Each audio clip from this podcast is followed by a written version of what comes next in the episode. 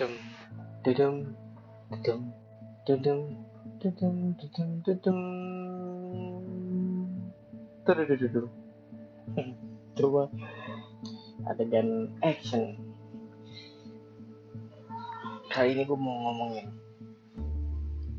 soal yang lagi hits. Asik yang lagi hits. Apa sih yang lagi hits? Nah, ini kayaknya lagi musim memang beberapa tahun terakhir beberapa bulan terakhir asik apaan sih yang asik? Ini maksudnya. Ketika di YouTube di Twitter di kalau di Instagram gue nggak tahu ya maksudnya. Podcast kan gue coba lihat yang lagi beberapa kali. Maksudnya yang beberapa kali gue lihat ini yang lagi naik itu musim cerita horor. Kayaknya gue harus mulai atur nada gue biar rendah sedikit. Kemudian lebih tenang karena untuk konten horor kebanyakan bicara seperti itu. Mungkin agar biar masuk aja kali ya. Yang horornya itu lebih dapet. Mungkin. Ya gue ngerti juga sih. Cuman memang beberapa yang gue sebagian dengar dan sebagian yang gue baca itu bikin gue merinding juga ternyata dan faktanya ya faktanya nih ya, dari beberapa yang gue cari tahu juga dari orang-orang sekitar gue katanya baca cerita horor atau mendengarkan cerita horor itu seperti mengundang juga sebenarnya. Makanya kadang uh, perasaan merinding kita yang kita alami itu ketakutan yang kita alami itu sebenarnya bukan semua apa semerta merta itu sugesti belaka tetapi memang katanya itu ketika kita membaca cerita horor atau mendengarkan cerita horor itu sebenarnya mengundang juga. Jadi kadang ketakutan itu sebenarnya nyata dan memang ada di sekitar kita. Ya iyalah maksudnya sekarang kita harus percaya itu lah. Maksudnya kita yakin itulah kalau memang yang di dunia ini tuh nggak semuanya tuh terlihat. Ada yang tidak terlihat juga. Kita harus akui itu dan kita hidup, eh, hidup terus berdampingan bersama sama jadi gimana nih mau buat cerita horor apa gimana ya, intinya nih gue mau coba mau nyoba ya untuk bercerita tentang pengalaman pribadi ini terlepas dari terserah ya maksudnya lo semua pada mau percaya atau enggak. Maksudnya gue hanya sekedar cerita terserah lo mau di lo nanti percaya atau enggak atau kemudian lo ngerasa takut juga atau enggak nyangkut apa enggak juga ceritanya. Jadi yang gue ceritain ini tentang pengalaman gue sendiri untuk waktunya tepatnya itu udah lama ya sekitar 5, 6 6 sampai 7 tahun yang lalu. Pada saat itu malam minggu. Biasa gue kalau malam minggu nongkrong nih itu yang ngumpul di luar malam. Biasanya gue tuh kalau nggak pulang sekitar dini hari ya tengah malam untuk bisa gue nginep. Uh, di rumah teman. Pada saat itu gue mutusin buat pulang cepet ya. Jadi seperti biasa pada malam pada umumnya gue keluar pada sekitar jam tujuan. Jam tujuh malam keluar. Gue nyamper teman gue dulu. Naik motor. Yang sebenarnya rumahnya emang nggak terlalu jauh ya. Masih masih di sekitaran rumah kan sekitaran masih sekitaran wilayah rumah gue lah. Nggak nggak terlalu jauh maksudnya nggak yang jauh banget. Paling membutuhkan waktu sekitar 15 menit rumahnya jadi gue nyamper dia. Memang kebetulan dia ajak keluar sama nyokapnya. Sebut aja nama teman gue ini.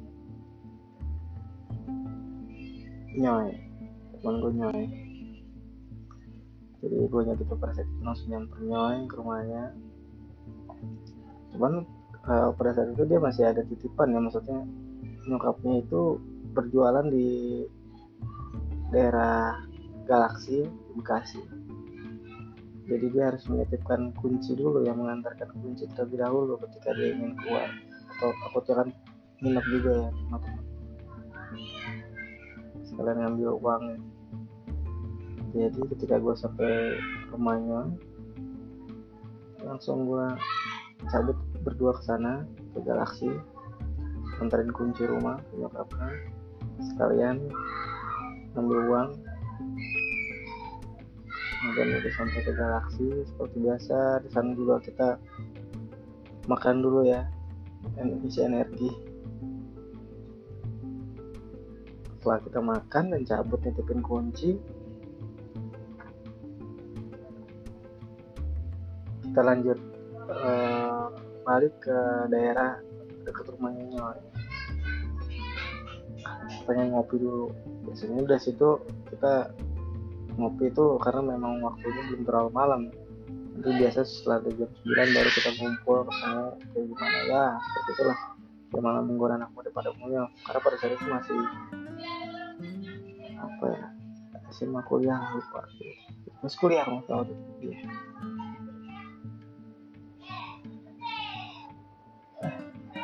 Ya kemudian setelah dari situ kita ke warkop. Sekitar ya ini sekitar tahun 2012 2013 ya. Jadinya kita mampir ke warkop biasa langganan yang ya udah kenal deh lumayan. Cuman pada saat itu sebelum mampir ke warkop gue merasa di jalan itu seperti ada yang melempar gue pakai mangga bukan bukan melempar malah. Gue merasa awalnya tuh kejatuhan. Cuman pada saat itu gue nanya dan gue berhenti sama sinyal itu. Gue ngeliat nggak ada pohon mangga kemudian si ini merasa gue itu eh gimana sih orang nggak ada pohon mangga? Kok lo ngerasa ada yang jatuh gitu jujur waktu itu gue ngerasa karena ada yang jatuh dari atas itu karena memang posisinya itu nggak kayak dilempar karena memang benar-benar jatuhnya tuh ke gimana ya bilang belakang lehernya. Bener-bener persis di, di leher ya leher belakang. Jadi pada saat itu gue dibonceng keadaannya bonceng jadi pada saat itu gue ngerasa aduh anjir apaan nih? Gue kejatuhan mangga. Karena waktu itu rasanya sakit banget. Tapi ketika nyai mutusin buat berhenti. Apaan sih lo orang gak ada pohon mangga kok. Tapi gue ngerasa kayak kejatuhan mang ya kayak kejatuhan sesuatu lah. Rasa sakit banget temen posisi gue ngeliat pada saat itu nggak ada pohon apa pun di situ.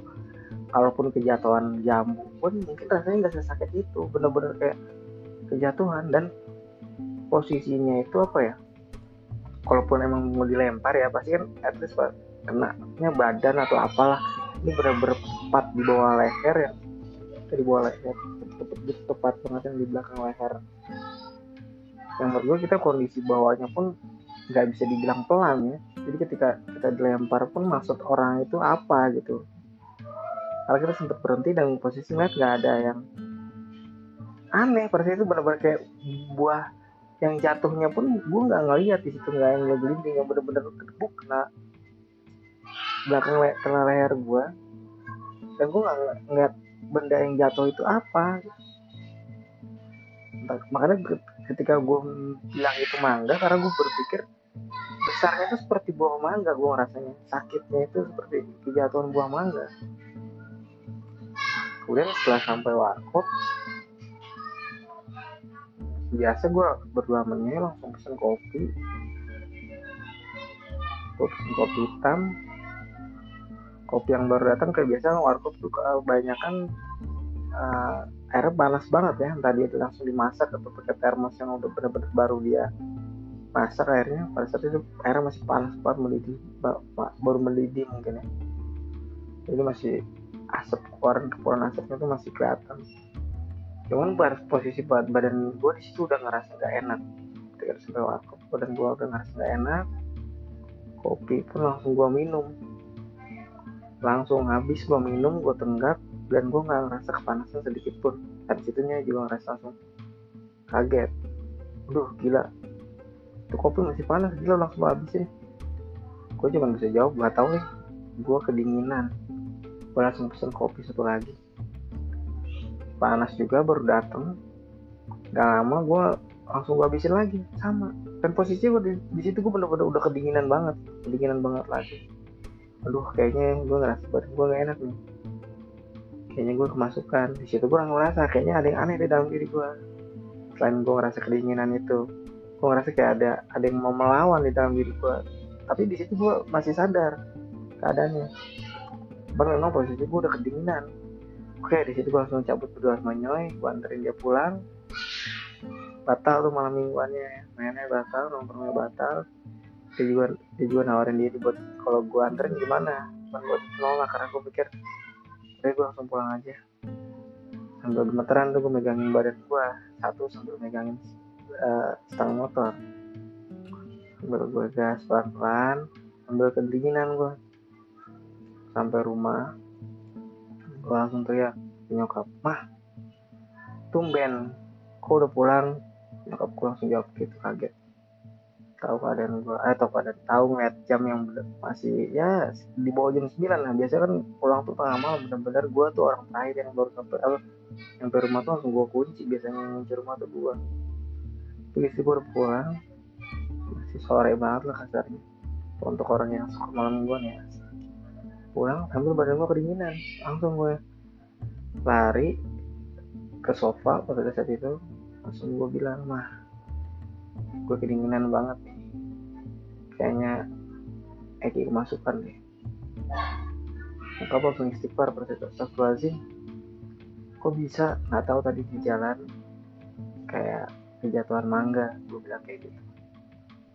Nyokap di situ ngerasa percaya karena memang pada situ apa ya gue untuk mendeskripsikan diri gue nanti deh. Mungkin mungkin gue bakal cerita cerita lagi ke cerita gue yang bakalan dari awalnya kenapa nyokap gue bisa percaya ketika hal-hal mistis mengganggu uh, keluarga gue ya. Nah, jadi nyokap percaya dan ngeliat tangan gue pun udah pucet banget. Aliran darah di situ nggak ada sama sekali. Nyokap langsung ambil minyak angin basmi sambil ngolesin tangan gue badan gue biar biar badan gue hangat. Maksudnya kembali ke suhu normal lah panas kan balsem biar peredaran darahnya ada lagi. Tapi yang ada malah gue makin kedinginan. Sampai baju gue jaket gue didobel sampai akhirnya nggak ngaruh juga. Kemudian nyokap gue mencoba nelfon ustadz. Pas saya telepon ustadz. Dan ketika ustadz ditelepon pun langsung asal-asalnya benar gitu kan. Langsung nyebutin nama gue gitu nama panjang gue ustadz gitu ustadz. Langsung bilang oh iya benar. Ada yang nempel pada saat itu diri gue cuma pada saat itu diri gue memang masih bisa mengendalikan karena memang uh, apa ya belum sepenuhnya dikuasai oleh makhluk halus tersebut yang nempel ke dalam diri gue cuman memang di situ gue tahu ada yang aneh di dalam diri gue ada yang mau melawan ada yang mau menguasai. Udah di tahu di situ abang gue juga pulang abang gue pulang abang gue kebetulan dia juga bisa merasakan ya maksudnya dia seperti mempunyai kelebihan untuk merasakan hal-hal yang mungkin bukan dari dunianya kita itu ada di situ gitu. Jadi ketika dia masuk buka pintu baru pulang entah dari mana atau ngapel juga gue nggak tahu. Pulang dia masuk itu hawa dia ngerasain panas banget. Aja ada apa nih mah? Oh ini nih si lagi kemasukan. Satu lagi udah itu di situ lagi dibacain kita. Gue gue dibacain doa doa katanya mengakhirnya pada saat ustadz konfirmasi gue harus dikasih bawang putih. Hmm, satu siung ya bawang putih kebetulan. Kemudian gue di sholatin bareng-bareng oleh keluarga gue baru setelah disolatin setelah minum bawang putih. Kemudian di situ gue udah gak sadar apa apa lagi. Besoknya gue baru baru bangun kemudian ba, ketika bangun gue belum bisa langsung bergerak ya maksudnya belum bisa bangun dari tempat tidur masih dua hari gue nah tiduran di tempat tidur setelah gue akhirnya sadar ya maksudnya ya masih sadar ini dalam keadaan normal gue udah gak ngerasa ada orang bukan orang lain gue udah gak ngerasa ada makhluk lain di dalam diri gue itu gue ngerasa pengalaman yang paling lumayan ya ekstrimnya itu tidak untuk yang gue alami sendiri ya untuk pribadi gue karena di situ gue mencoba bukan melawan lebih mencoba untuk bertahan ketika kedinginan banget badan gue waktu pada saat itu. Udah habis itu setelah gue dua hari dan bisa berbaring di tidur gue akhirnya bisa bangun lagi. Aktivitas biasa karena pada saat gue setelah disolatin dan tertidur itu bener-bener ketika gue bangun paginya itu badan tuh berasa kayak habis. Digebukin mungkin sama satu kampung ya. Bukannya sakit itu bener-bener gak bisa bangun itu gue keadaannya udah sekian gitu aja mungkin cerita gue ya mungkin uh, selebihnya perjalanan ah, perjalanan. Selebihnya kalau memang kurang serem ya memang cerita dari pengalaman gue yang seperti itu pada saat itu mungkin lebih berhati-hati ya. Biasa kan berdoa dulu ketika keluar rumah di jalan juga mungkin kita nggak ada yang tahu ya. Ketika kita menabrak atau ditabrak oleh makhluk lain kita jangan pernah tahu. Yang penting kita kan berdoa dulu sebelum eh, ketika kita keluar rumah ya. Kemudian kita keluar rumah. Seperti itu. Mungkin yang pelajaran bisa diambil seperti itu ya. Yang penting tetap uh, waspada ya. Selalu berdoa uh, jaga diri baik-baik nggak perlu takut karena memang kita hidup selalu berdampingan dengan makhluk Tuhan. Udah gitu aja sih. Oke okay, bye bye